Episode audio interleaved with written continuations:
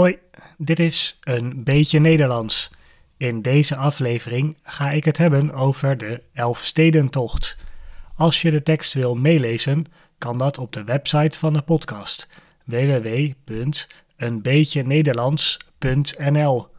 Ook als je vragen of opmerkingen hebt over deze aflevering, kan je ze naar mij sturen op de website.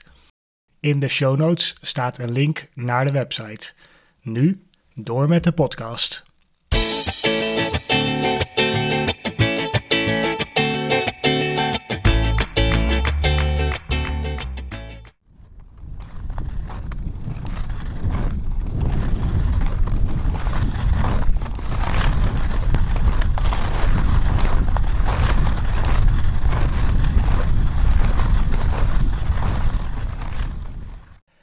Nederlanders zijn gek op schaatsen. Als het koud genoeg is, hoopt iedereen dat het hard genoeg zal vriezen om het ijs op te kunnen gaan. Er is een schaatswedstrijd in Nederland waar iedereen naar uitkijkt: de Elfstedentocht. De Elfstedentocht is een klassieke schaatstocht die wordt geschaatst in Friesland. Friesland is een provincie in Noord-Nederland. De Elfstedentocht is een route van bijna 200 kilometer over het ijs. De route loopt langs elf Friese steden, daarom heet het de Elfstedentocht. De hoofdstad van Friesland is Leeuwarden. Daar begint en eindigt de Elfstedentocht altijd. Verder komt de tocht langs de steden Sneek, Elst, Sloten, Stavoren Hindelopen, Workum, Bolsward, Harlinger, Franeker en Dokkum. Afhankelijk van de weersomstandigheden duurt de tocht tussen de 6 en 10 uur.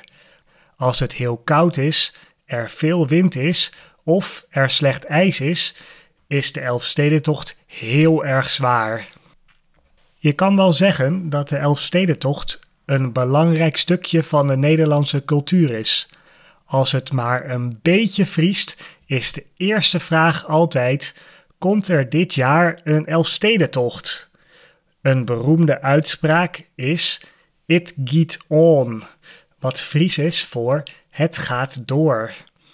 Dit zijn de woorden die de voorzitter van de organisatie van de Elfstedentocht zegt om te laten weten dat de Elfstedentocht doorgaat. Daarom zit heel Nederland altijd gespannen te wachten op deze woorden. Bij de laatste keer dat de tocht gereden werd, sprak men van een Elfstedenkoorts. Dat is geen ziekte, maar een landelijk enthousiasme over de aankomende Elfstedentocht. Je hebt bijvoorbeeld ook oranje koorts als het Nederlands elftal een belangrijke wedstrijd gaat spelen. Heel Nederland leefde mee. Wel meer dan 9 miljoen Nederlanders hebben de laatste Elfstedentocht op televisie gezien. Dat is meer dan de helft. De Elfstedentocht wordt geschaatst op natuurijs, niet op kunstmatig ijs.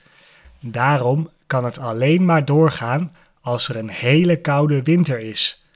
De laatste keer dat de Elfstedentocht geschaatst werd was in 1997. Dat is 24 jaar geleden.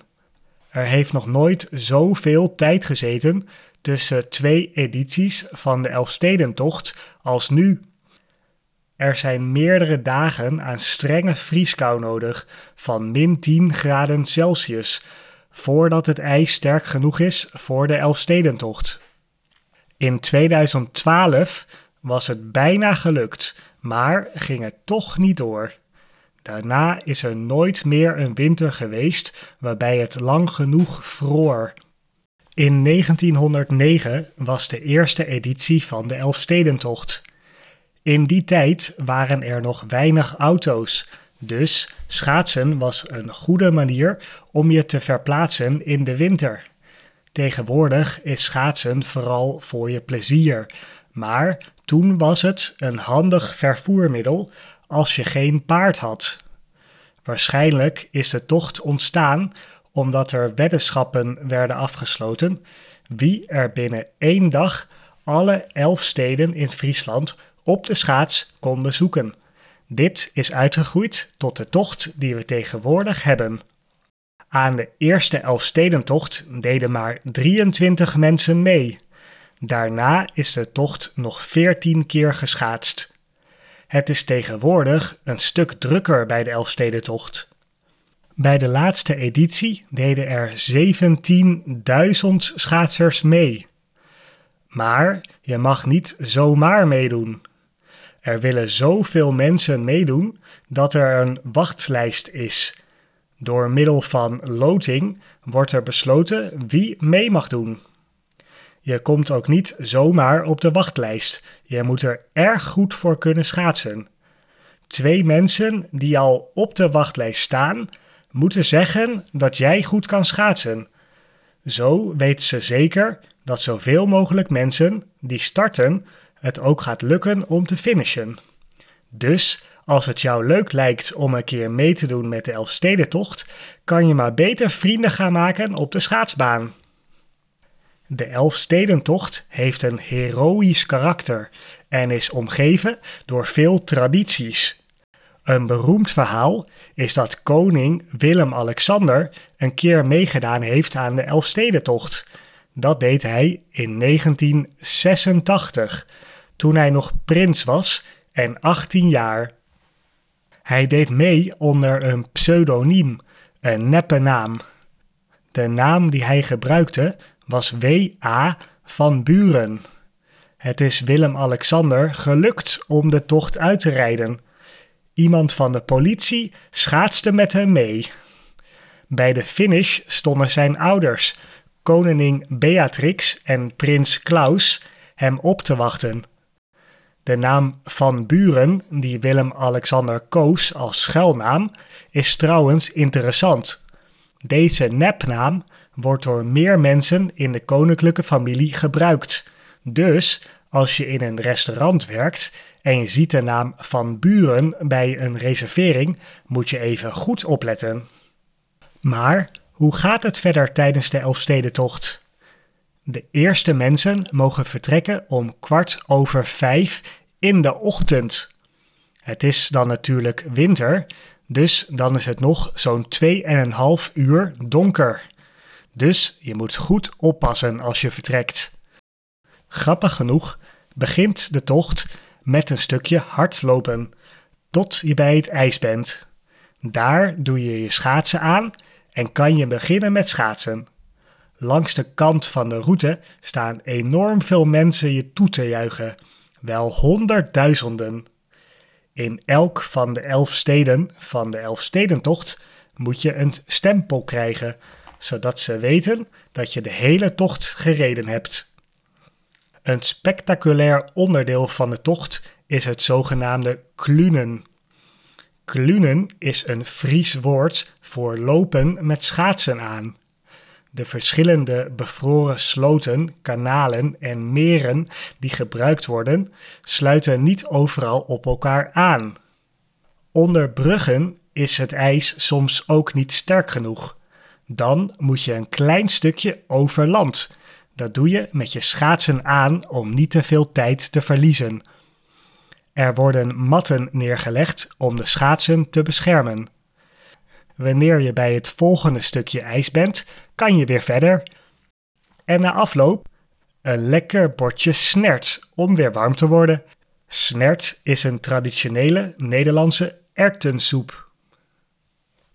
Gaan we ooit nog een Elfstedentocht krijgen? Ik heb al gezegd dat het lang koud moet zijn om sterk genoeg ijs te krijgen. De verwachting is dat we steeds minder vaak strenge winters zullen krijgen door de opwarming van de aarde. Het ijs moet minstens 15 centimeter dik zijn om zoveel schaatsers aan te kunnen. Dat kan alleen maar wanneer er koude wind staat uit Scandinavië of Rusland.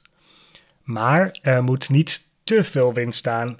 Dan krijg je wakken in het ijs. Een wak is een groot gat in het ijs.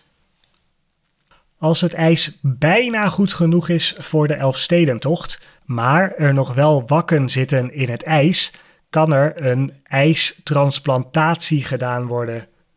Zo belangrijk is de Elfstedentocht voor Nederlanders. Een ijstransplantatie wordt gedaan door ijs uit een andere plek te zagen en die neer te leggen waar het nodig is op de route.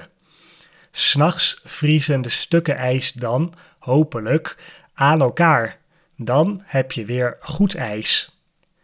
Ten slotte nog één feitje om te laten zien hoe belangrijk de Elfstedentocht voor Nederlanders is.